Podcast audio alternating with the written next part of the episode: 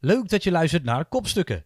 In deze aflevering is schrijver en columnist Nico Dijkshoorn te gast bij Justus in bar en restaurant Nola in Utrecht.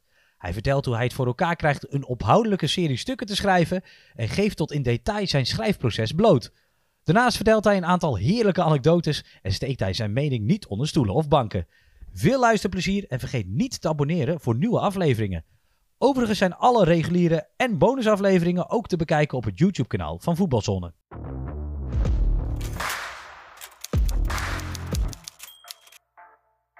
Nicolaas Dijkhoorn, van harte welkom bij uh, Nola in Utrecht, bij Kopstukken. Ja. Met wat voor verwachting ben je naartoe gekomen? Uh, grote. ja. Nee, ja, ik, zat, het, ik, ik heb dat nooit zo. Ik word meestal dan, als mensen me vragen, dan, dan zit ik dan gewoon toch meestal een uur over Matthijs van Nieuwkerk te lullen of zo. En ik had begrepen dat dit, uh, dat dit gewoon meer ging over mijn, uh, dat het meer een soort journalistieke insteek was. Ja. Over mijn werk. En dat vind ik wel leuk. Dat doe ik niet zoveel echt over praten over uh, het ambacht. Ja, ja, we gaan het over van alles hebben, maar met name ook Prima, het ja. werk over voetbal, zeg maar. Ja. En um, eigenlijk is het wel bijzonder dat je over voetbal schrijft, want je bent met honkbal opgegroeid. Ja, Nee, dat klopt. Nou, opgegroeid en zeg maar gewoon dus een Spartaans, Spartaans, opge of een Spartaans opgevoed. Of was ik maar opgevoed? Dat, uh, dat is meer het verhaal. Ik stond nou denk ik een dag of 350 per jaar stond ik, uh, stond ik op een veld.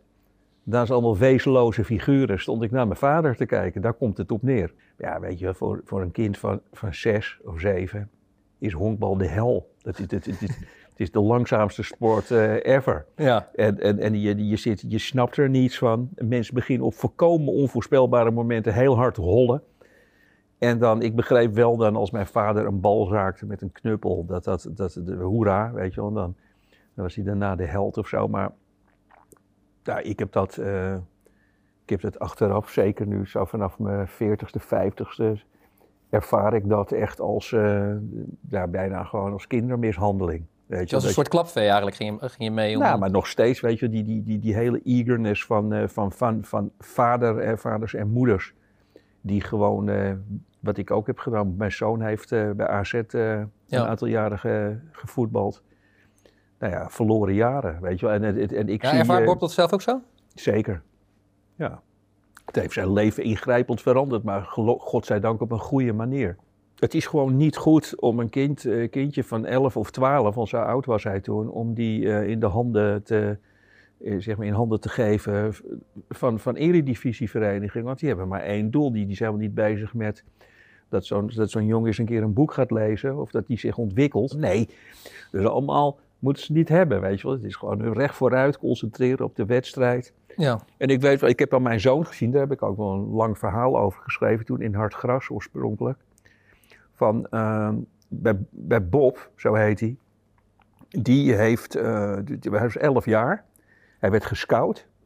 Dus wij hem vertellen van uh, iemand van AZ, hij heeft je gescout. Uh, AZ, weet je wel. Hij kent alleen Ajax. hij kijken, waar de fok is dat dan? Kut man, dat is helemaal in Alkmaar. Het is gewoon een hele andere, een heel stuk rijden. Ja. Weet je wel? Dus het was nou niet zeg maar dat hij ervan droomde om, bij, om AZ te spelen. Okay. En uh, nou, toen proeftrainingen. Hij werd meteen na de eerste training, zaten we, de twee dagen later zaten we in een café ergens, het bekende gedoe. En uh, ja, ja, Bob, weet je wel, ongelooflijk talent was het toen. En, de, dit, en wij maar steeds vragen, ik met en mijn ex-vrouw, zo van, ja, maar weet je, we beginnen nogal aan iets van... Wat, wat, is er een soort van, kijk, niet 100% garantie, maar toch wel van, ja, er zijn zoveel jongens van, uh, gaat dat wat worden? Absoluut, dit, is, zo, dit hebben we nog nooit gezien. nog nooit gezien. Nee, dat is dus gewoon tegen 130 jongens gezegd. Ja. En dan stond je, dit, ja, en toen heeft Bob, die heeft daar uh, een paar jaar gevoetbald. Was, was het trouwens een hele goede voetballer, maar iets, iets te traag en iets, handelingssnelheid was niet, godzijdank, was niet, was niet goed. Dus weggestuurd. En wat je dus ziet, en dat heeft mij altijd wel ontroerd, Bob had heel veel vrienden in Amstelveen. Dus jongetjes van elf die opeens in Alkmaar naar school moeten. Die uh, met een busje worden opgehaald om 7 uur s ochtends. Hij had gewoon geen vrienden opeens meer. Want uh, je bent uh, letterlijk zes dagen per week was je ermee bezig. Want Ja. je moest, er werd ook verwacht dat je dan nog naar de wedstrijd ging in het weekend als ze thuis speelden.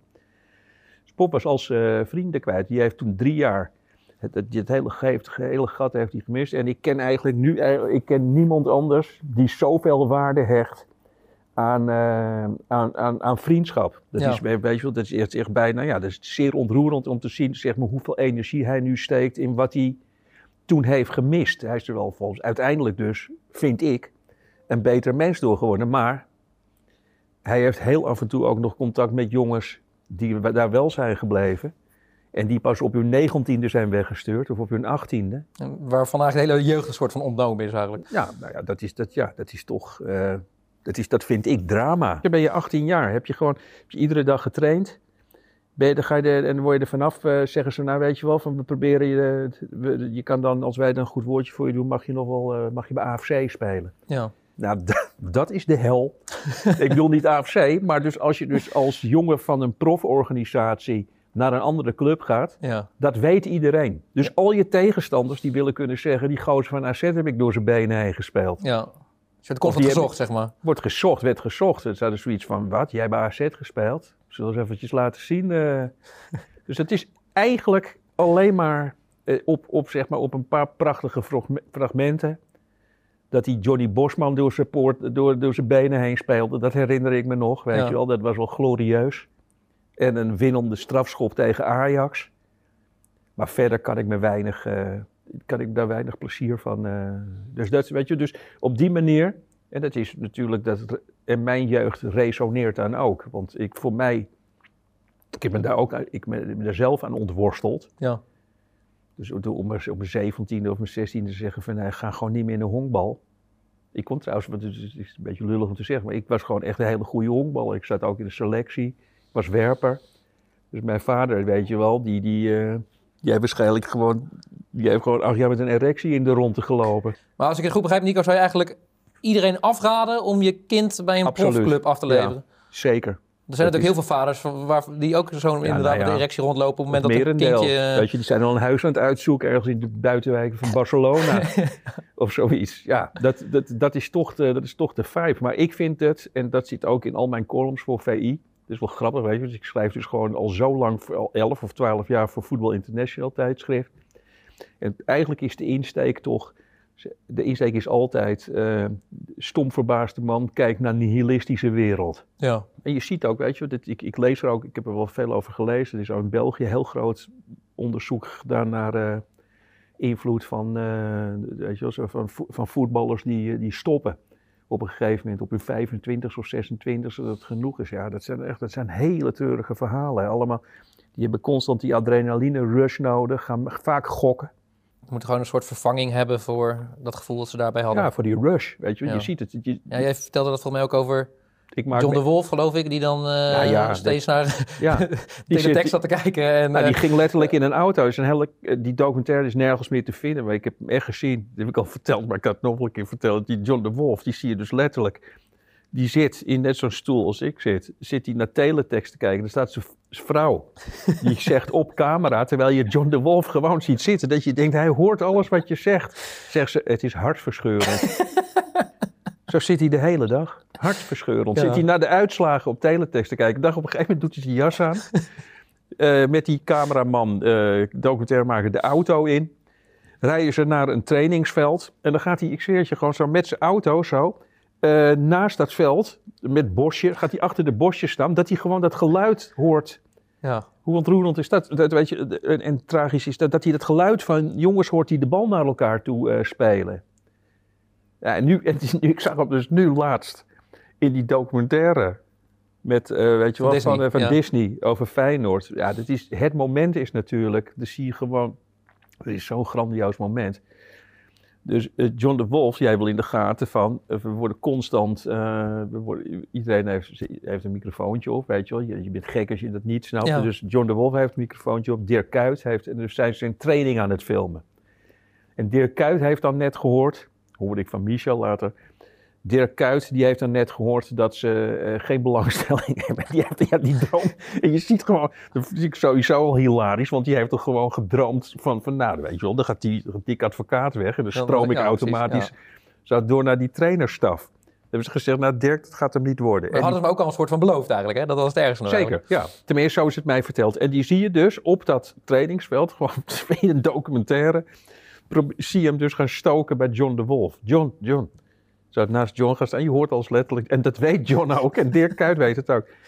Ja, wat gehoord. Ja, wat gehoord, John. Eh, John, dat is belachelijk. Zo, dat is een beetje een soort, zo zit het in mijn hoofd, van een beetje stoken. Ja. En John de Wolf heeft iets van, als ik nu mijn bekken open doe, ben ik de lul. Nou ja, nee joh, nee.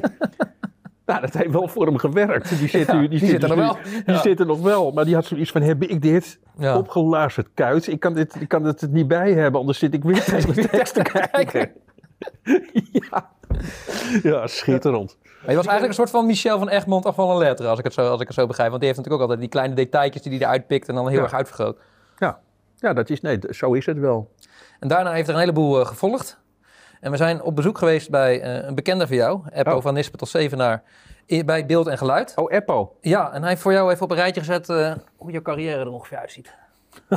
Eppo.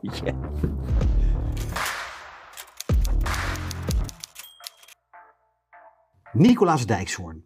Ja, later bekend als Doordevil, P. Kouwen, C. Adriaanse. Die werd op 15 mei 1960 geboren te Amsterdam, de hoofdstad. Lange tijd zou het erop lijken dat hij geen enkele bekendheid zou halen. Ja, kijk, hij werd leraar aardrijkskunde en Nederlands. eh, had wel een passie voor het schrijven, maar ja, hij verdween voor 20 jaar in de bibliotheek te Amstelveen. Met de opkomst van het wereldwijde interweb steeg ook de populariteit van Nico tot ongekende hoogte. Zijn online schrijfwerk werd overal gevonden. En het was puntig, het was raak, het was poëtisch, het was, het was grappig. Het was Nico, het was Nico Dijkshoorn. En het mooie was, hij ging ook audiocolumns maken. En uiteindelijk in 2006 vroeg de Volkskrant hem een sportcolumn te schrijven. En zo ging dat door. In vele media werd hij gevraagd stukken te schrijven tot aan de, ja, ik kan niet anders zeggen, de geweldige libellen aan toe. Op voetbalvlak ging hij aan de slag, onder meer voor magazines Johan, Hartgras en ja, Voetbal International. En daar komt hij weer, het fenomeen. Johan Derksen was degene die het talent van Nico onderkende en hem binnenhengelde. Sindsdien is er geen één VI meer zonder een column van Nico de deur uitgegaan. En dat het succes is, dat blijkt wel uit lezersonderzoek. Want mensen lezen eerst de column van Nico en dan pas het blad. Van allerlei zaken heeft hij verstand. Dichterij, kunst, eh, muziek, eten, eh, audioapparatuur, bekende Nederlanders. Hij kan echt overal over meepraten. Hoewel, met uitzondering van de terugkeer van de wolf en politiek. Dat is niet zijn sterkste kant. Als je bij ons in het archief zoekt op Nico Dijkshoorn, dan vind je 284 volbeladen pagina's met programma's waar hij ooit wel eens een keer aan mee heeft gewerkt. Bijvoorbeeld radiofragmenten van Giel, eh, webvideo's, eh, kunststof, eh, nooit meer slapen en natuurlijk een oneindige reeks van De Wereld Draait Door. Van de lezers en lezeressen van Geen Stel tot Libellen. Van de luisteraars van de Dik voor elkaar podcast. En wat te denken van de 618 en een halve duizend ja, trouwe volgers op Twitter. Everybody loves Nico. Nou ja, bijna iedereen dan. Er zijn heel wat mensen die wat minder dol op hem zijn. Ik noem er een paar. Eh Gert-Jan van Beek, Thomas Bergen, Patty Bart, Gordon, Maarten van der Weijden, eh Nicolette Kluiver, Dick Advocaat, Hans Kraai junior. Gelukkig zijn er weinig dingen waar Nico meer van geniet dan hele boze mensen. En ik zou tegen die boze mensen willen zeggen, geniet er zelf ook een beetje van. Want met Nico Dijkshoorn is het net als met Johan Derksen. Je hoort er pas echt bij als hij een keer snoeihard heeft aangepakt.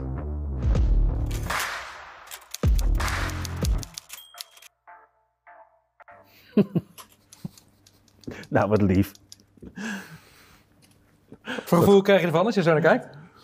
Ja, dat ten eerste gewoon Eppo, weet je wel. Dat, dat, dat, legendarisch, eh, legendarisch figuur. En ik, wat, een ander gevoel toen ik er net naar luisterde is van... Jezus, van, dat, dat ik er altijd een beetje van schrik. Hoeveel ik heb... eh, het is inderdaad zoveel. Ja. Maar ook denk ik, doordat je eh, van live houdt, het moet snel. Wat je ook vertelde van een column, ik begin er voor anderhalf uur voor de deadline aan, zeg maar. Ja. Dat je ook niet eindeloos gaat zitten schaven, maar dat je gewoon ook blijft produceren, zeg maar. Ja. Ik kan me voorstellen dat dat een enorme druk ook met zich meebrengt. Nee, totaal niet. Op maandag is mijn, eh, druk, is mijn drukste schrijfdag. Of ik schrijf dan op zondag een column voor de ondernemer. Die is 800 woorden. Op, op zondag, die schrijf ik op zondagmiddag, zondagavond. Dan op maandagochtend eh, schrijf ik eh column voor eh Libelle. De column voor VI, 800 woorden. Eh Libelle is ongeveer 450 of zo. Eh, dan nieuwe feiten, dan moet ik een audiocolumn schrijven en opnemen. En een column voor eh, het nieuwsblad. Een wat kortere column, een reguliere column voor het nieuwsblad. Dus dat zijn er volgens mij vijf in totaal, in heel kort. En dat zeg ik dus, ik, ik benadruk, benadruk dat. Dat is dus helemaal niet van met gezwollen borst vertel ik dit of pochen, het is, omdat je het me vraagt. Ik ben nog nooit later klaar geweest dan half één middags. Dus ik ga, ik ga om half tien ochtends zitten en ik ram in één keer, ram ik het er gewoon, ram ik door. En dat komt gewoon omdat ik me helemaal na, niet, ten eerste, en dat is ja, voor die jongens en meisjes die luisteren, die zelf willen gaan schrijven. Ja, dus je hebt er heel veel voorbereidingen zitten, al Nou- die jaren geleerd. Ja, je, kijk, dat is, kijk, dat, het, het, het, het klinkt allemaal zo, weet je, als ik het zo vertel, ik heb er nog steeds moeite mee om iemand, om iemand uit te hangen die aan anderen uit gaat leggen Ja. hoe het zit. Maar na tien jaar, denk ik, wist ik gewoon van als je een lang stuk moet, 3000 woorden moet schrijven, dan doe je dit of dit. Ik maak me dus, met, ik maak me dus geen zorgen meer, ik hoef me geen zorgen meer te maken over de techniek. Ja, Dat moet een soort tweede natuur zijn. Je moet, die moet je niet in de weg zitten. Ik heb bijvoorbeeld een enorme hekel aan. eh, ik ontdekte dat ik het heel vervelend vond. Dat vind ik een beetje amateuristisch altijd. Dus je schrijft een column. Komt er zo'n klein helemaal aan het eind een witregel. Zuchtend pakte ik mijn boodschappen in. Ja. Of zoiets, zo'n zin. Of eh meewarig keek ik naar de oude man. Die door de regen naar huis. Dat, ze- dat, dat je dan altijd een soort van semi-literair Ja. nog, Ja. nog even wil laten zien van jongens, ik ben een groot schrijver en columnist. Precies. Dus, dus dat soort dingen, dat, dat, daar ben ik heel, nou ja, heel eh, streng op. Dus op een gegeven moment, ik hoef als ik op maandagochtend ga zitten en ik ga VI schrijven, dan is het idee, ik kan me helemaal concentreren gewoon op het idee. En ik, ben, ik heb nog nooit ook een aantekening gemaakt op zondag. Dus ik ga op maandag zitten. Nou, dan ga ik, eigenlijk kijk ik gewoon zo om me heen. In die kamer waar ik eigenlijk altijd in zit, in de woonkamer. Waar je eigenlijk nooit uitkomt. Ja, ja nou, dat wel. Plaatjes kopen, boeken en gitaren. En dan weer snel naar binnen. En eh, dan zit ik, zit ik zo, kijk ik zo om me heen. En dan ga ik, ik kijk dan wel eventjes op de, als ik voor VI schrijf, ik kijk op de website. En ik kijk, wat ik wel doe, dat neem ik serieus. Ik kijk in dit weekend alles. Ik zie gewoon iedere wedstrijd. Dus ik wil weten, terwijl ik nooit over de wedstrijd zelf schrijf, want dat doen ze in de rest van het tijdschrift. Weet je, Ja. ik ben altijd voor de zijkantjes. Maar ik wil wel weten, weet je, als er iets met raars met een, met een sponsje gebeurt van een eh, materiaal of, of een materiaalman of zo, die Ja. is- dat, wil ik, dat, dat wil ik hebben gezien zelf. Kijk voor de sfeer eigenlijk en voor de Ja, details. zo van wat, wat, wat- en op het moment dat en dan op het moment dat het echt moet, omdat, het, omdat, omdat ze gewoon ook zitten te wachten, omdat die column eh, een bepaald tijdstip klaar moet zijn, dan, dan, ja, dan begin ik te schrijven en dan is het gewoon, daar moet je je bij neerleggen, dan is het wat, het, wat je in, dat, in die drie kwartier, wat ik in drie kwartier schrijf, dat is de column voor, voor Voetbal International. En ik kan, dat wilde ik eigenlijk zeggen van, ik, ben, ik kan schaamteloos hard lachen om mijn eigen stukken. Ja, ik lees die stukken terug, weet je wel. Nou, dan denk ik van, dit is zo gek dit. Of, ik, of, of dat ik, omdat, het gewoon, omdat ik het in een roes schrijf. Ja. Ik zeg het altijd van, ja, mensen zeggen er wel eens wat van, Jezus Christus, moet wel erg hard op jezelf. Ik zeg, ja, ik lees het ook gewoon, je wel, voor het eerst. Ja, ik zie Ja, dus het ook eigenlijk, voor. eigenlijk is jouw maandag zo, je hebt een soort vijf balletjes. eh, en dan eh, eh, hoe, hoe die vorm moet worden, dat heb je helemaal in je hoofd zitten. Dus dat Ja. zit er al helemaal in. Dus je, je giet er eigenlijk als eerste een soort van één idee in. En dan rolt dat een soort van door tot het malletje vol is. En dan strik Ja. eromheen en dan ga je door naar het nou ja, volgende. ik kan moeiteloos, die, die column in VI die is eh, eh, 880 woorden, wat echt best wel veel is. Weet je, een gemiddelde column is 450 woorden. Dit is een hele bladzij. De essentie van column schrijven is dat je om kan gaan met het aantal woorden. Als dat er eh, 400 zijn, weet ik dat ik minder dialoog kan gebruiken. Dia dialoog vreet ruimte. Kan ook geen inleiding. De inleiding moet in twee zinnen zijn, anders, anders red je het niet. Nou, bij, bij VI, 880 woorden of zo maximaal, kan ik gewoon eh, drie alinea's, eh, kan ik Rinus Israël aan het woord laten. Ja. Die iets vindt van een, van het, van een geblondeerd kapsel van, eh, weet je wel, van een of andere gek die, die, eh, die dan de kleedkamer inwandelt. Of, of, of een nieuwe, ik kan dan, eh, wat een soort terugkerende, dat doe ik dan ieder jaar, komen die, weet je wel, komen die sportmerken, die komen met hun nieuwe voetbalschoenen. Ja. Nou ja, weet je wel. Die, die, Ach, ja, maar dat is zo ja. goed, man. Gewoon lekker zo. Maar het is allemaal krankzinnige namen. Dit is het. De, de, de, de, Galaxy Coast eh, eh, Swing Master. weet je, Zeker, eh, ja. Deluxe Ja. Royal met, met, met, ja, weet, weet je, met, nou precies inderdaad, met heel geheugen, ja. Of, of, neus, of neuscorrectie. Dat, dat soort onzin. Ja. Dus daar, daar kan, en daar, kan ik, daar schrijf ik dan een hele column over. Of, of de opstelling, of hoe heet het, de elftalfoto's. Dat Ja. is ook een genot. En wat je net zegt hè, over het aantal woorden, hoe, hoe precies komt dat dan? Want ik ben, Ja, dat is nou... Mag je, als het dan 880 is, mag het dan ook 850 zijn en 19? Of is dat... Of, Nou, zit, nee, het is wel gewoon, ik, ik weet wat het maximum is. En daar, ga ik, daar, zit ik wel, daar zit ik ook altijd wel een beetje tegenaan. ja. Dan moet je, en dan mag je ook niet te lange woorden gebruiken. Of, Mm, ja, dat, ja dat- daar hou ik dan niet zo rekening mee. Maar als je meer woorden hebt, dan kan je gewoon dia- dan kan je iemand sprekend opvoeren. En dat is zo lekker. Dan hoef je het niet allemaal uit te leggen. Ik kan wel zeggen van, nou, wat René van de Grijp, dit en dit en dit. Ik kan hem ook eh, gewoon twee alinea's ieder woord laten verkleinen. ja. Eh, Ja, Dan, dan zet je het sfeertje een beetje neer, bedoel je. ja Maar zou het voor jou ook een reden ja, zijn ik dat heb als ze zeggen van- coronaatje. Ja. Ik heb coronaatje, een beetje. Maar zou het voor jou ook een reden zijn om nee te zeggen tegen een, eh, tegen een column omdat het gewoon te weinig woorden zijn? En dat je denkt van, dan kom ik minder goed op mijn recht? Nee, zeker. Dat, ik kijk als eh, 400, dat vind ik eigenlijk wel. Dat vind ik eigenlijk wel het. het, het, dan wordt het dan wordt het wel echt. eh, dat, daaronder wordt het wel een beetje ingewikkelder. Dus eh, 250, dat is dan gewoon echt een, Bierveeltje, is een eh, gedachte. Dat is, dan ja. wordt het weer een gedachte of zo. Dan, dan, dan kan ik niet doen wat ik leuk vind om te doen. En ook, dat is volgens mij ook waarom ze me inhuren. Dat ik gewoon eventjes op een rare gedachte kan zitten en daarop op door kan eh, fantaseren. Het probleem is dan, weet je wel, dat je dan, die dwingen je bijna, je wordt, je wordt, het wordt een beetje pathetisch. Het is, eh, eh, het, het is of een, een scheet, een, een scheetje, of het is gewoon, of het is net alsof je een boeddhist bent inderdaad. Zo van, van de, ik zal jullie in 120 woorden even op de voorpagina vertellen hoe het leven in elkaar zit. Precies.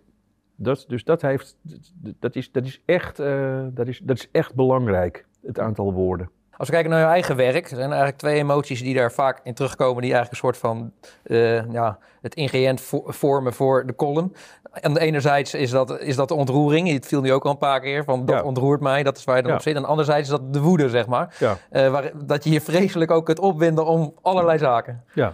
Is dat, is dat nog steeds zo? Of is dat sinds die, Ja. die twee TIA's ook afgenomen dat je de, de zaken toch weer meer gaat relativeren? Ja, nou, nee, dat is niet zoveel. Dat, ik, ik ben iets weemo- weemoediger geworden en ik praat iets meer over mijn kinderen en zo. Dat, dat wel. Maar, maar nee, ik, ik kan natuurlijk nog, ja, ik kan nog wel steeds.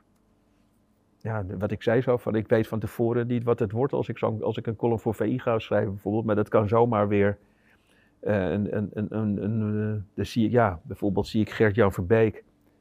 Nou, dat was mooi. Gert-Jan Verbeek, die maakt bij mij blijkbaar iets los. Weet je wel, van, eh, dat, het is net zoiets als Louis van Gaal. Dat, ik weet niet precies wat dat is. Maar ik zie dat eigenlijk, ik snap het nu wel. Dus heb ik in die laatste column proberen te verwerken over hem. Dus ik, nou, ik, altijd gewoon bloed onder mijn nagels vandaan, die man. Dat ik denk van, man, doe toch eens normaal. met Doe, doe eens gewoon normaal. Nou, dat is het. Doe toch eens gewoon normaal tegen andere mensen, weet je. En nu zat hij opeens in zo'n documentaire over... eh, iemand maakt daar nu een programma over... dat iedereen opeens een Boeddha-beeld in zijn huis heeft staan. Ja. En die, ja, die Linsen, Joris Linsen. Ik snap dat niet, waarom dat niet kan. Ik geloof helemaal niet, waar we het in het begin over hadden... dat een strenge hand altijd het, het beste is. Waarom zou je voetballers, waarom zou je voetballers van de jaren 20, 21 moeten behandelen... nog steeds als 13-jarig onmondige imbecielen? Dat snap ik niet. Ik snap niet waarom je niet op één level gewoon met die jongens kunt. eh, nou ja, dat, dus dat zit in veel. Daar komt de woede vandaan vaak. Zo van: doe toch eens normaal. Weet je wel van. En dan zie ik dat ze normaal doen. In een andere situatie. En dan smelt ik. ja. Ik heb eh, elf afmakertjes voor je. En eh, anders dan gebruikelijk moet je heel kort antwoord geven. Ja. En je mag later nog nuanceren. Dat is goed.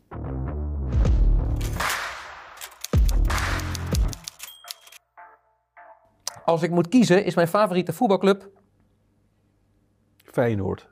het meest spannende moment uit mijn carrière was.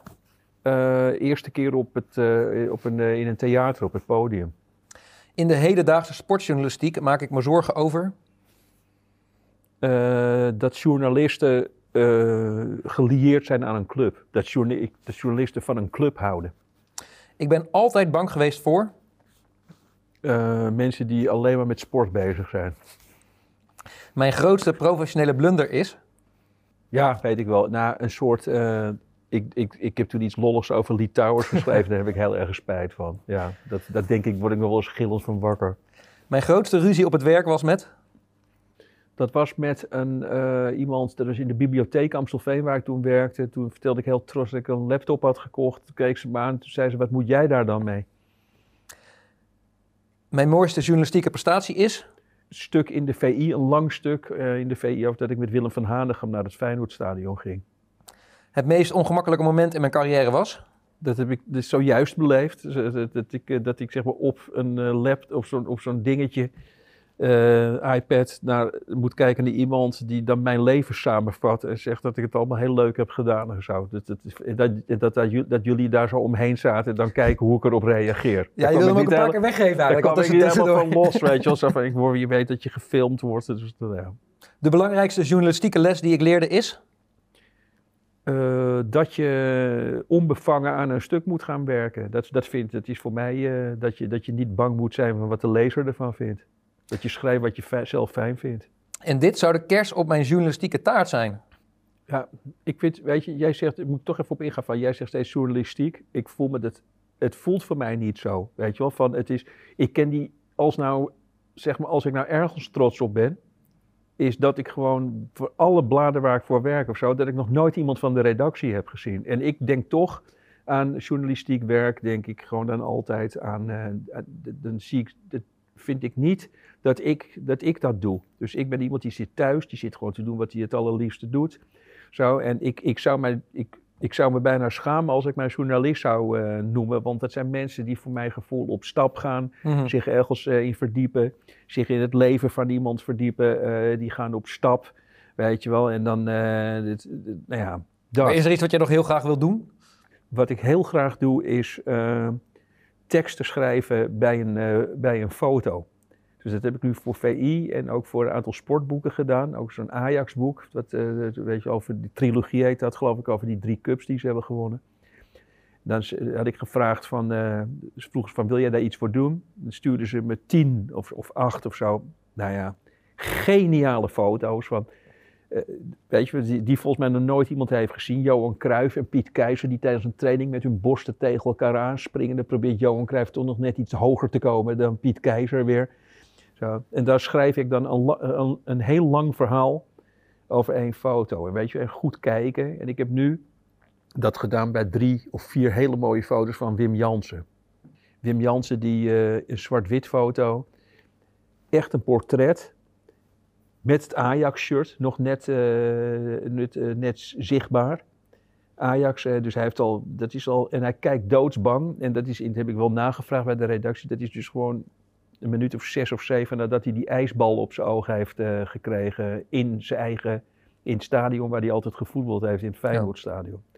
Dus dat is, daar ben ik eigenlijk wel, die tekst, nou ja, daar ben ik dan wel trots op. En dat is een vorm die mij ook goed past.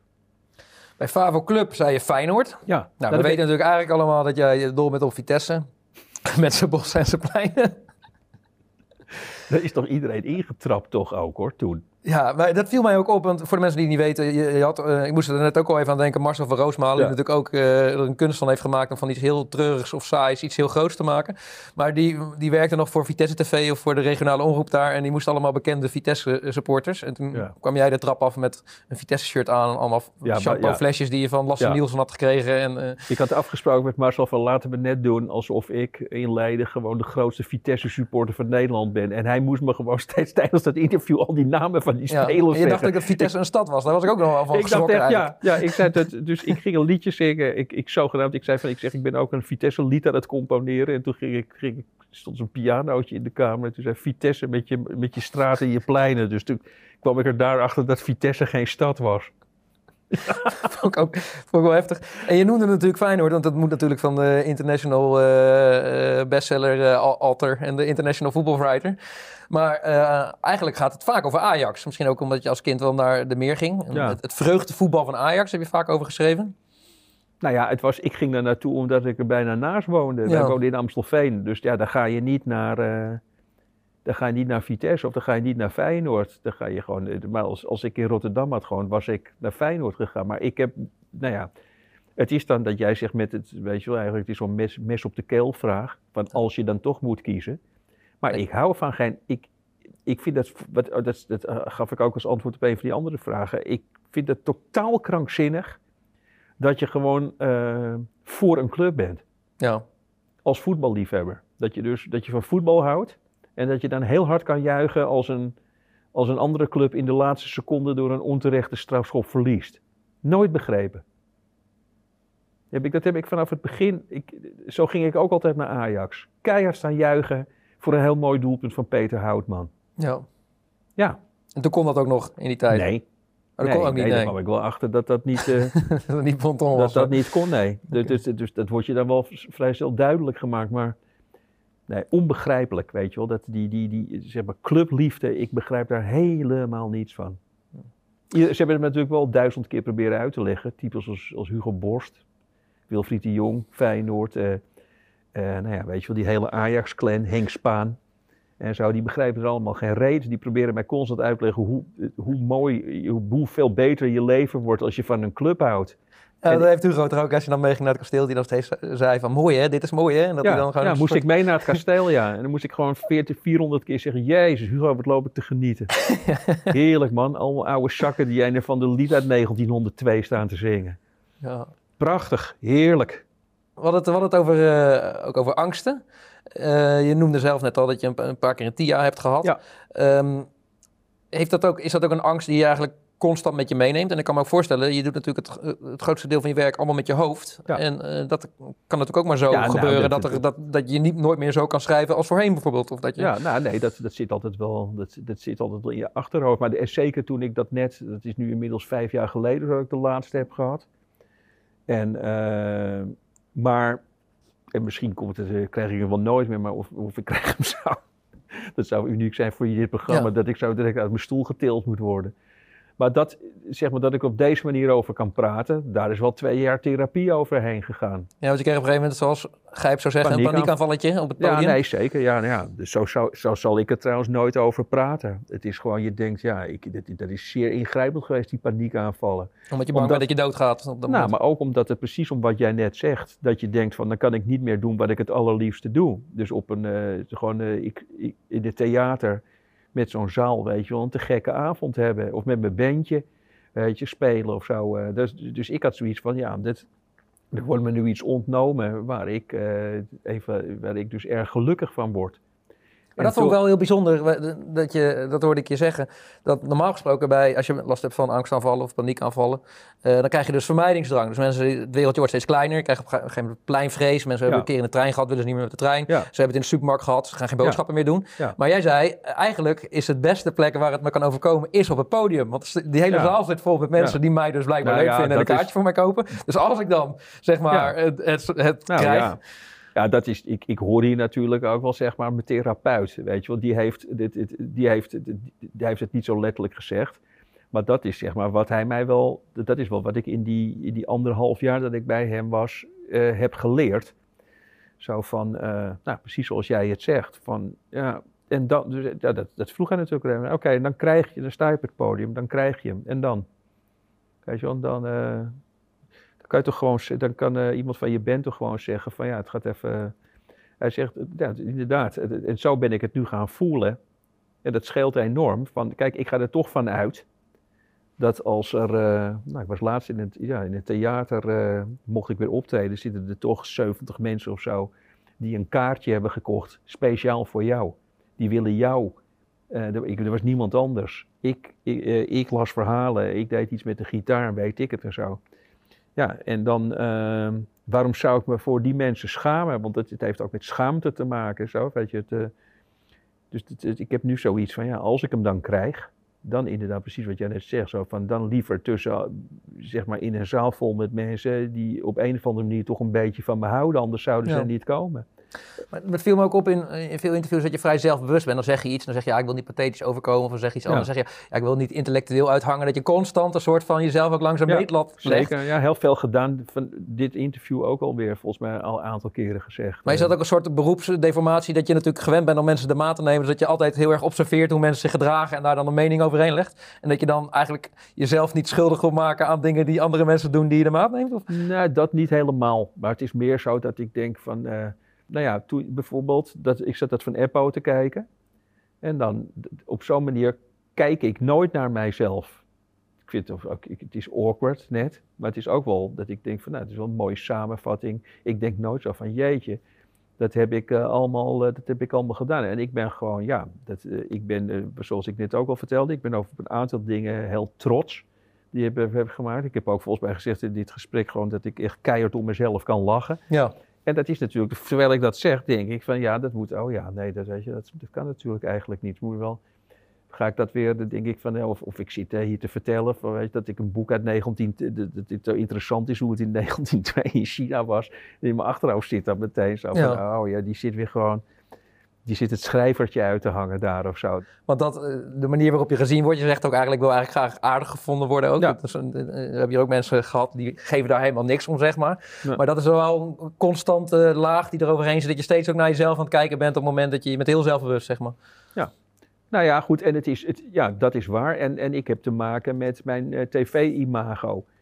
Dus ik merkte ook... Norse, dat, nou, dat is wel, ja, dat is wel grappig. Dat, dat, ik merkte dus, dat is op zich is, dat is een goede vraag. Want ik merkte dus dat mij dat raakte. Dat ik, eh, eh, ik begon op een gegeven moment te merken, toen ik een aantal jaren bij de Wereld Draait Door zat, dat mensen de manier waarop ik eh, keek als ik klaar was, en ook als ik zat te schrijven en zo, en, weet je, wel, weet je, zo als een soort, nou ja, dit, ik Een soort Mart Smeets eigenlijk, uh, als een soort zelfgenoegzaam. roof, als een soort... Mijn, Tanja, mijn vriendin, die zei steeds... Je lijkt op iemand als je klaar bent. Zo, weet je? Zo, zit je zo... Dat boekje gooide ik dan in, zat ik zo'n beetje zo te kijken. Ze zegt, je lijkt op iemand, maar ik weet niet wie. Toen, nou, op een gegeven moment, een paar dagen later opeens... Ik weet het, weet je wel. Dus ik denk, nou, god, hup, ik stel... Dus ze zegt, hier, kijk dan. Was het, die, eh, was het zo, zeg maar, zo'n hele rare... eh, roofvogel uit de Muppet Show. Dat is zo'n zo'n dat is of dat zo'n zo'n gier die dan het nieuws voorleest en dan. En ik ben het ook precies. En, dat, maar, en wat dus zeg maar, wat, wat, er toe, wat, nou ja, wat ik dus wil zeggen, is, ik weet namelijk precies eh, hoe ik me voelde na zo'n eh, gedicht. Het is, het, werd, het is door iedereen uitgelegd, door bijna iedereen, van oh, oh, oh, wat is hij weer tevreden met zichzelf. Meneer heeft weer, zeg maar, eh, een, de, nieuwe Odysseus zitten schrijven daar tijdens de Wereld Draait Door. Kijken we daar zitten shinen. Weet je wel, dat is eigenlijk constant wat ik hoorde. Van jongen, jongen, het is een stuk kutgedicht. Er rijmt geen woord. Weet je wel, en, en, en, en, eh, en hij zit erbij alsof hij, alsof hij de, de Statenbijbel heeft geschreven. Maar ik had juist gewoon het, precies het tegenovergestelde. Ik, ik, schreef het, het- ik schreef dat gedicht, schreef ik in 40 minuten. Eh, dan kreeg ik in de laatste vijf minuten, was totale, nou ja, gewoon, ja, doodsangst, weet je wel. Ik kon geen woord lezen van wat ik had opgeschreven. Dus ik moest gewoon, ik ging dan, wat ik de laatste vijf minuten zat te doen, kun je zo terugkijken. Ik zit alles eh, nog eens een keer over te trekken. Dat gewoon, dat, er- en dan met pijlen en dan dingen doorkrassen nog. dus wat ik had altijd als ik klaar was van... Ongelooflijk dat het me gelukt is weer om deze, shit, om deze shit voor te lezen. Dus ik was, het was, wat je zag was steeds een soort eh, een, het ontwaken. Het ontwaken uit een soort krankzinnige concentratie en een roes en steeds een soort enorme opluchting en verbazing.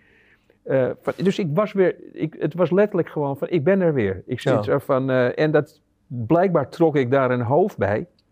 Van, nou, dat is genieten voor jullie allemaal dat ik er ben. Weet Ja. je, want terwijl, terwijl ik dat dus echt nooit zo gevoeld heb.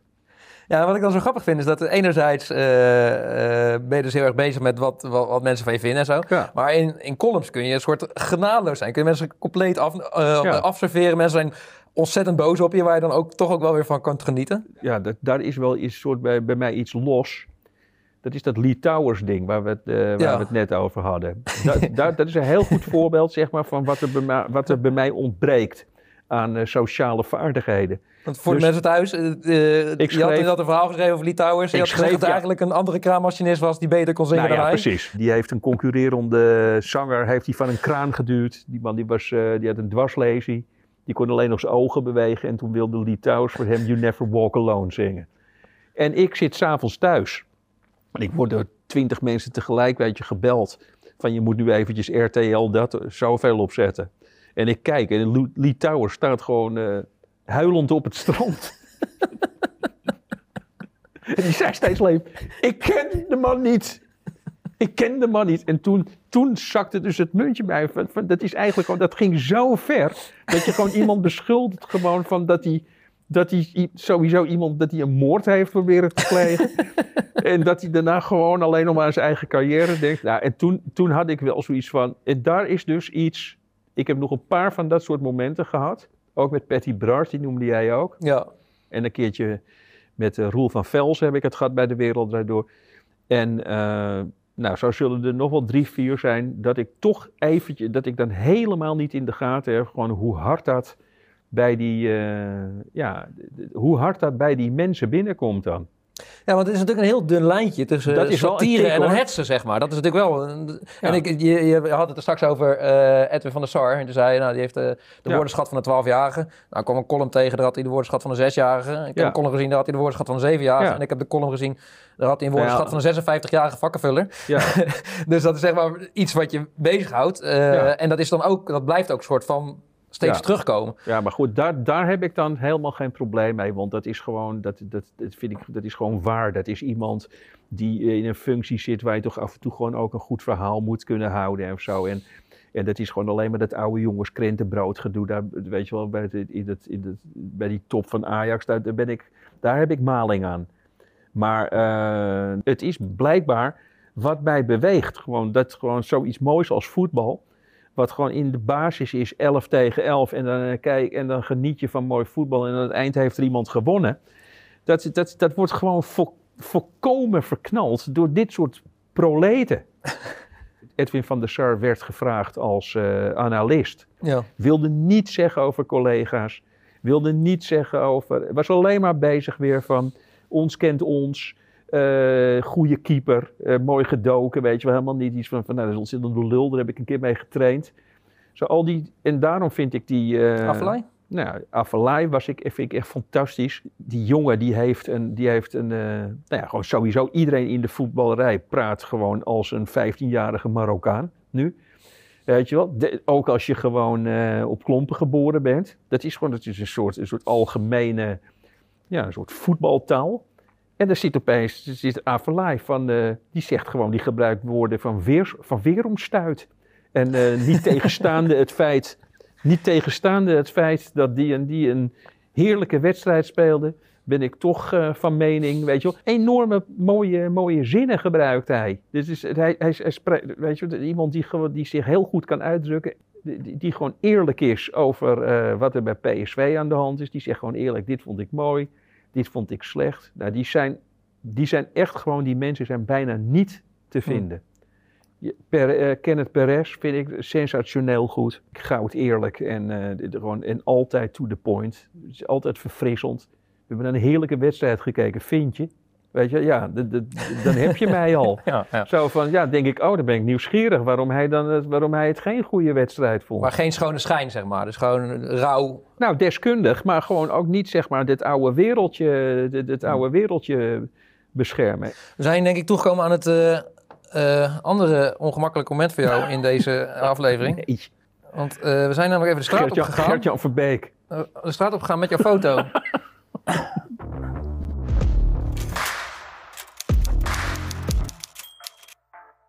Deze meneer. Oh ja. Oh, ik kan niet op zijn naam komen. Ik kom me bekend voor, ja. Noem zijn naam eens. Nico. Nico, Dat Nico. is de achterkant. Nico, scheepmaker. Dijk, Eh, Dijk gedaan? Ja, iets met Dijk. Nico Dijkshoorn. En wat kun je over hem vertellen? Eh, dichter. Dat hij allemaal boeken heeft geschreven. Onze hele boekenkast is vol met boeken van hem. En dat hij heel grappig is. En hij heeft een column in, eh, in een van de blad die ik vaak lees. Uh, Voetbal International had hij volgens mij een column, eh, dacht ik inderdaad. En hij woont in Leiden. dat ben ik toevallig. Hij is een schrijver. Maar, eh, hij zat in een programma en hij maakte een samenvatting van die programma. Ik vond ze heel, eh, heel toepasselijk. En eh maakt me zoiets in één keer als een programma bezig is om eh, zoiets te maken. Huisdichter van de Wereld Draait Door. En eh, hij zat bij die ellenlange afleveringen van de Dik voor elkaar podcast. Ik heb wel het idee dat hij meer in de zijlijn soort van dingen aan de kaak stelt die wel met voetbal te maken hebben, maar niet echt heel veel op het veld, maar meer eromheen. Her- herkenbaar. Ja, als je hem hoort praten, weet je wel wie het is ook gelijk. Hè? Hij zegt dan duizend. Ja, hij de- doet me denken aan eh, die andere, die ene bekende Utrechter, eh Maarten, eh Maarten. Eh, ja, een beetje een droogkloot eigenlijk. eh. En hij heeft een podcast volgens mij, Woeste Meuk. Volgens mij heb ik een keertje geluisterd met Theo Maassen. Dan loopt hij door Eindhoven samen. Doet hij ook wel leuk. En hij heeft een keer iets grappigs gezegd over Patty Bart, dacht ik. Dat ze Adam Curry altijd aan haar vingerde. En dat, dat, dat bleek natuurlijk helemaal niet waar te zijn. Maar zij viel daar heel erg over. En dat, nou, dat vond ik wel komisch. Mijn moeder eh, vindt hem niet echt heel chill. ik zelf wel. Ja, ik heb af en toe wel een beetje meelijn met die man. Wat hij, wat hij eh, vooral met het laatste boek volgens mij. Met zijn, met zijn vader of zo. En dat hij eh, ook vaak eh, lekker veel eh, commentaar heeft op, de, op, op, eh, op, eh, op onze maatschappij. Eigenlijk hoe we het allemaal doen. Maar eh, ik vind wel dat hij het meestal bij het rechte eind heeft. Soms net op het randje, soms eroverheen, maar over het algemeen ja, vind ik altijd wel lachen. Zijn eh, producten zijn goed te pruimen.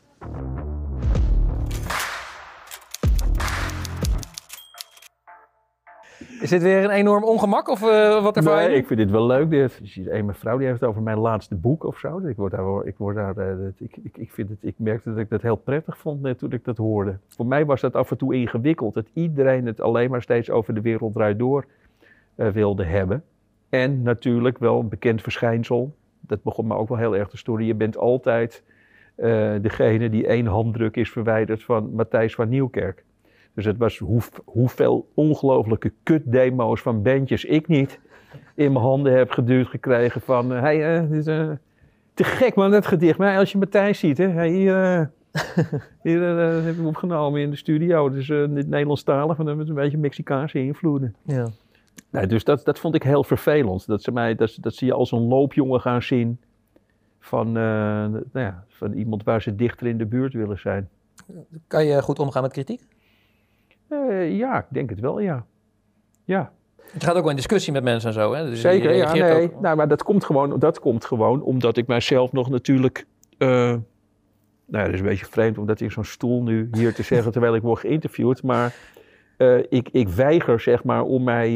ik zit gewoon ook... Ik zat vanaf het begin af aan voor mijn lol op Twitter. En als mensen dan zeiden van... Hey, eh, volgende keer grappiger. Zo van, dan reageer ik woedend. van ben ik godverdomme bij je in dienst of zo. Ja. Ben je niet goed bij je hoofd? Van, eh, wat, wat dan? Krijgen, be- betaal jij mij of zo? Van, eh nou, die ook van die niet zo'n leuke tweet. Ja, laas erop. Dan lees je het niet. Ja.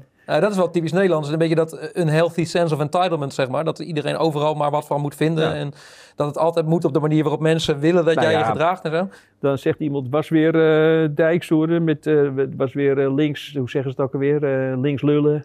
Rechtsvullen. Eh, ja, links lullen, rechts vullen, eh, weet je wel. Linkse grachtengordel. Linkse een grachtengordel. Dan krijg ik zo'n heel verhaal, zeg maar, wat een ontzettende zakkerwasser ik ben. En dat zou ik normaal als iemand het onder zijn eigen naam doet. Reageer daar gewoon, weet ik op.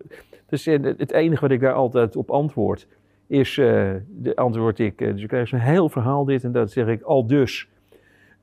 Ricky Slingeraapje 45683. ja, dan ben je toch uitgeluld? Ja. Ja. Zo van, ja, ik kan, ik, de zeggers gaan ze, zeggen ze, er komt af en toe nog een reactie terug. Ja, ik kan niet, eh, ik kan niet onder mijn eigen naam, want eh, wij gaan ze nog uitleggen ook. Want ik heb wel eh, werk hè, en kinderen. Ja. Nou, dus is het zeg maar voorkomen irrelevante mening, want het is gewoon, het is, het is, er staat niets op het spel voor je. Je kunt gewoon iedereen binnen twee minuten kapot maken op Twitter. En dan zit, zit er iemand in, eh, in, in, in, in Bad Hoeverdorp ergens in, een, in, een scho- in, in zijn onderbroek met een, met een paar eh, crocs aan. Zit hij dat te schrijven. Ik heb nog wat eh, quotes en koppen voor je uit de media.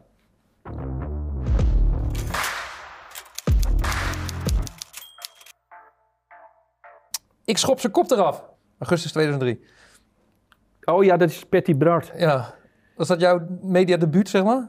Nou, dat was wel de eerste keer dat ik, eh, dat ik inderdaad, daar heb ik echt heel hard over nagedacht. Ik vind het heel prettig als ik niet weet hoe een schrijver eruit ziet. Ja. Zeker in Nederland. Kijk, Italianen die zien er nog wel geil uit. maar Nederlanders, dat zijn toch vaak een soort van eh, aardappelboeren die dan eh, die schrijven. Ik had net gedaan alsof ik een vo- voorpublicatie had gelezen van het boek van Patty Bart. De insteek was wel een soort van journalistiek, want zij zei van, de, dat boek werd verkocht als, eh, eh, weet je wel, alles wat u niet van Patty Bart weet. En ik had toen net naar een programma gekeken dat ze door een vergiet had zitten kakken. Letterlijk, hè? Het was gewoon een programma. Dus, dus je, ik, ik had gewoon rechtstreeks in de darm van Patty Bart gekeken.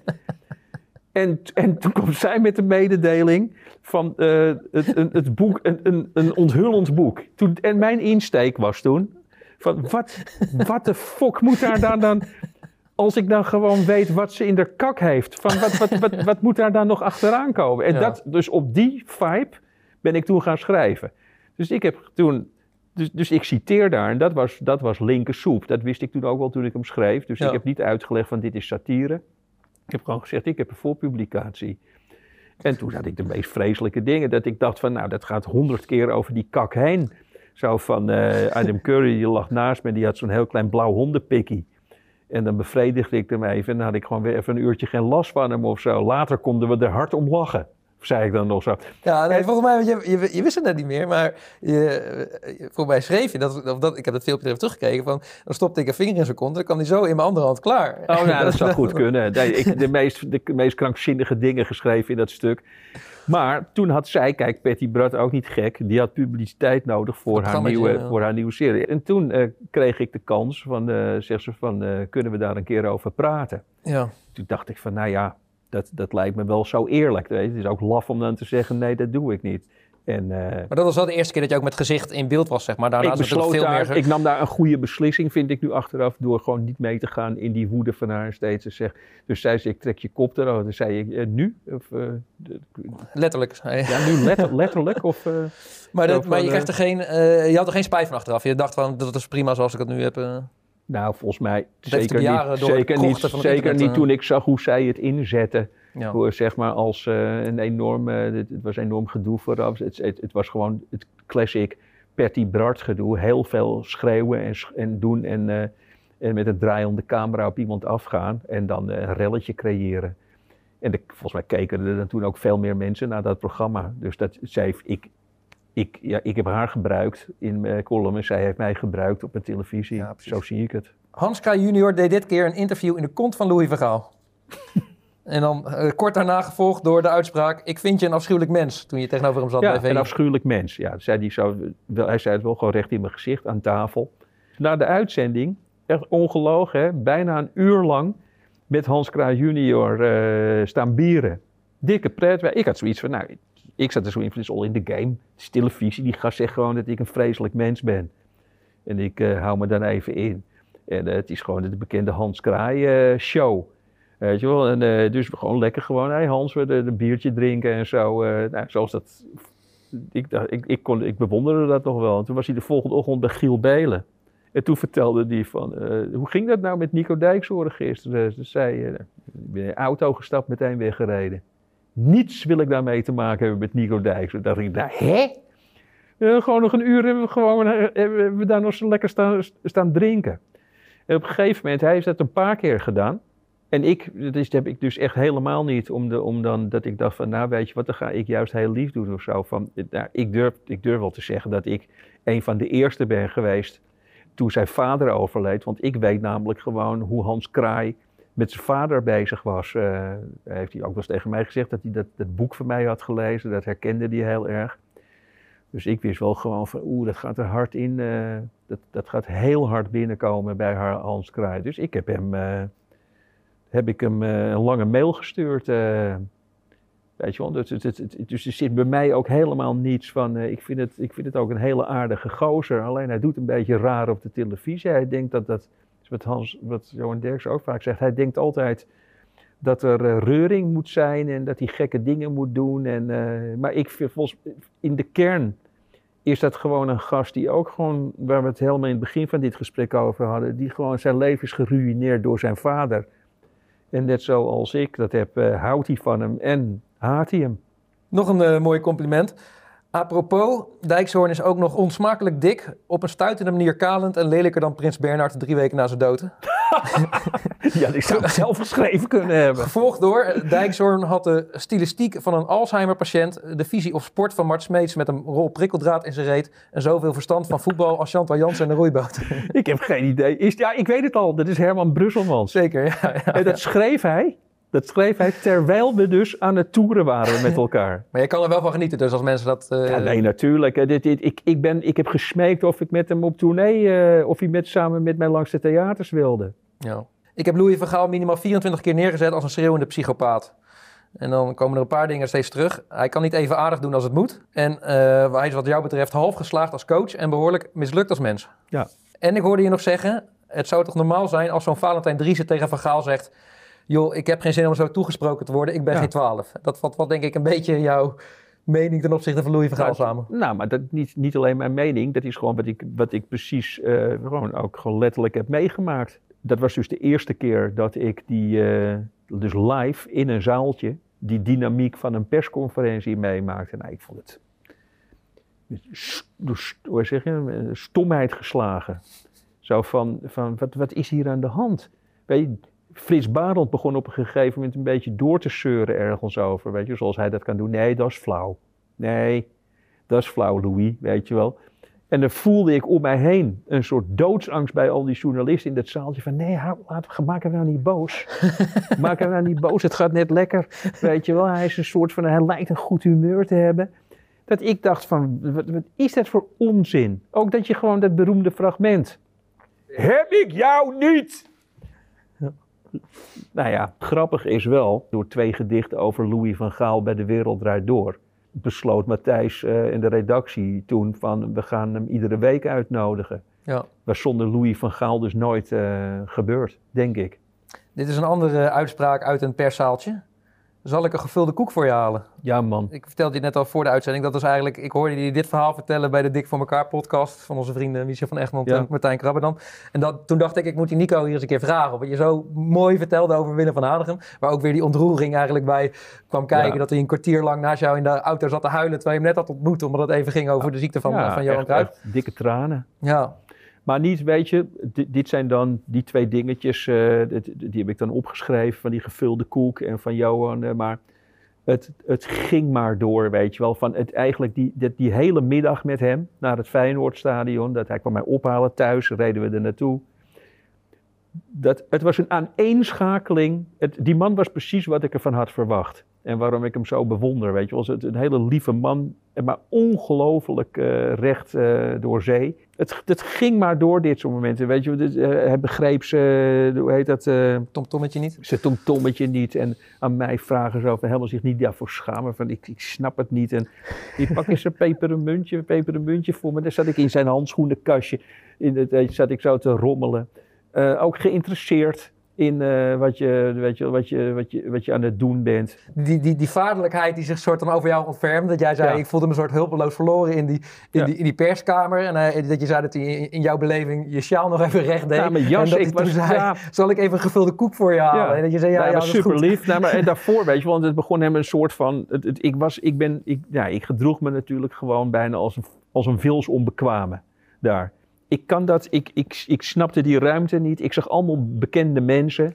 Ik dacht ook, die hebben allemaal die stukken gelezen die ik in VI over ze heb geschreven. Eh, die en ik zag, eh, dus, ik, dus het was een ruimte waarin ik me ongelooflijk ongemakkelijk voelde. En dus ik, wat, wat doe je dan? Dan ga je zeg maar heel dom aan je jas staan prutsen. Dus een beetje, zo weet je, dat, ik, dat je in ieder geval nog eh, iets doet. zo van, dan ging ik een beetje aan mijn mouw trekken. Zei ik op een gegeven moment, maar hij had het helemaal, hij voelde zich als een vis in het water daar, in Ja. die ruimte. En toen kwam echt, nou ja, dat is een meestelijk moment toch gewoon, weet je, Willem van Hanegem, een grote held. Die komt zo voor me staan, die pakt me zo bij, bij mijn jas. Kom eens eventjes hier. Weet je wel, even gewoon, wat zit je nou steeds aan die jas? Weet je, alsof ik een jaar of drie was. Kom eens even hier. Wat zit je nou steeds aan die jas? Blijf, blijf nou eens van die jas af. Kom eens even hier met die jas. Nou, ik mijn jas uitdoen. Ging hij hem ophangen ergens. En dan wist hij later ook weer precies waar die hing. En dat was voor jou het summum, denk ik, hè? Van dat Ja, alles en- bij elkaar kwam. En het mooiste moment, dat had dan niks met mij te maken. eh, het allermooiste moment van die middag was eh, dat ik voelde hoe dat leven van Willem van Hanegem eh, is na voetbal. Ik vroeg aan hem, zullen we naar de pers? ik totaal niet voorbereid, zo van dat is not done of zo, weet je wel. Of dat wil hij, vindt hij vervelend. Dus ik vraag gewoon een soort naïviteit. Van persconferentie is nu, zullen we er even naartoe gaan? Maar hij wil hij toch zoiets van, ja, godverdomme, ik heb ja gezegd tegen Nico. Dan zie je dus gewoon, eh, die van Bronckhorst, die was meteen helemaal van slag. Maar ook die voelde zich enorm, begreep ik later, die voelde zich enorm gesteund door de aanwezigheid. Want hij lag toen een beetje onder vuur van Bronkhorst. Dus alleen maar, dus Willem gaf als een soort koning, gaf hij zwijgend zijn goedkeuring aan Gio- Giovanni. Zo werd dat, is dat ervaren, ging achterin zitten. Al die journalisten die er waren, eh, die zaten daarvoor, weet je wel, denk ik, gewoon nog los uit de pols, gewoon wat vragen te stellen. Iedereen had opeens iets van fucking hell, weet je wel. Willem van Hanegem zit achterin de zaal. Moet ik een of andere onnozele vraag gaan stellen? Dus ik voelde daar, en even heel kort, voelde ik zeg maar hoe, hoe groot die man was en, en hoe bijzonder het is wat hij, eh, wat hij heeft gedaan. En hoe bescheiden die daar eh, altijd onder is gebleven. Dat, dat, dat, ik denk, denk dat ik dat misschien nog het mooiste vind, dat laatste. Ja. Ik denk dat Kruif meteen daarvoor was gelopen, een beetje aan die microfoon was gaan zitten. Zo van, van wat, eh, zit, en iets meer laag, iets meer laag eh, erin, weet je wel. En, eh, dus dat, dat is dan toch een, En Louis van Gaal zou dat ook niet oproepen als hij zo'n ruimte komt. Denk je allemaal gewoon van, nou dan krijgen we weer op ons lazer. Ja. Maar hij was meesterlijk, joh. Nico, als je zo, eh, zo terugkijkt, we hebben een aardig poosje te kletsen. Eh, Ja. Ben je dan een beetje tevreden over wat de carrière jou, jou gebracht heeft? Of hebben we nog iets overgeslagen waarvan je denkt van, nou dat hadden we eigenlijk nog even moeten benoemen? Nee, volgens mij hebben we, volgens mij hebben we alles wel gehad. eh. ik, hoop dat ik, je, ik hoop dat je hebt kunnen vragen wat je wil. Dat, dat, dat gaat ook vaak mis. Dat ik gewoon thuis denk, van, het is misschien toch ook wel handig als ik gewoon de vraag eerst eens gewoon afwacht. In plaats van eh, gewoon een half uur voor me uit te gaan zitten lullen. Nou, wat ik wel heel leuk vind, is dat ik, ik heb ook wel allerlei nieuwe dingen gehoord. Dat is natuurlijk altijd het risico, dat je dan, je, Ja, je nee, dat je heb ik voor, ook nu. Je gaat allerlei Ja. dingen zitten luisteren. En dan, eh, ja, soms ga je iemand ervoeren en dan gaat hij tijd zitten vertellen wat je allemaal al weet. Ja. Zeg maar dan ga je, krijg je een soort samenvatting van allerlei andere interviews. Ja. En dat gevoel heb ik niet. Oké. Ehm, eh, is er, is er nog, een, nog een vraag die je zelf eigenlijk graag stelt aan mensen? Die ik zelf graag stel aan mensen. Je favoriete vraag? Ja, ik vraag altijd wie bewonder jij? Nou, wie bewonder jij? Nou, Andy Kaufman dus. Ja. Hij is helaas dood. En Willem van Hanegem. Je hebt het dan over, eh, je hebt dan over een ander. Iemand die eh, jouw leven richting heeft eh, gegeven. En eh, nou ja, waren helemaal rondmaken. Ik had dat, eh, dat, soort, dat soort gesprekken had ik dus meer met mijn ouders eh, moeten hebben. Want kijk, als ik nu die boeken terugkijk die ik over mijn ouders heb geschreven, denk ik van ja, je had ook wel eens gewoon iets aan hun kunnen vragen. Weet je wel? Van, het is natuurlijk heel raar dat ik bijvoorbeeld nooit aan mijn moeder heb gevraagd van waar, zat je, zat jij op school dan? En, ze zou dat allemaal. Dus dat, is, dat loop ik nu wel als een soort apostel. De apostel van de liefde.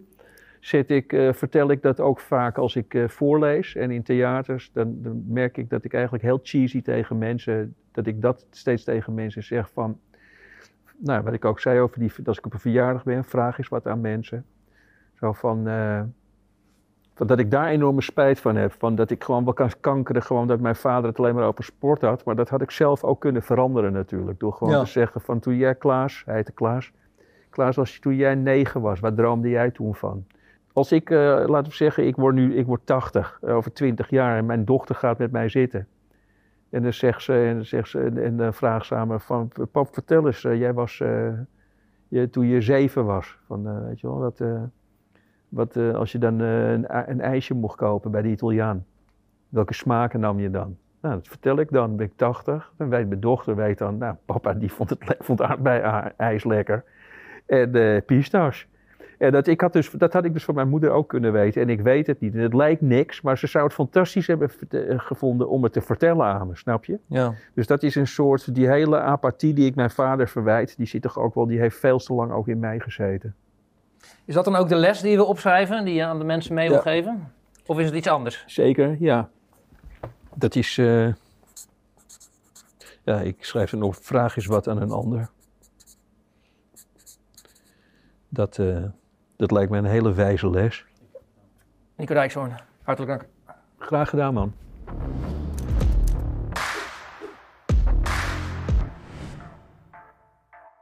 Bedankt voor het luisteren naar Kopstukken met Nico Dijkshoorn.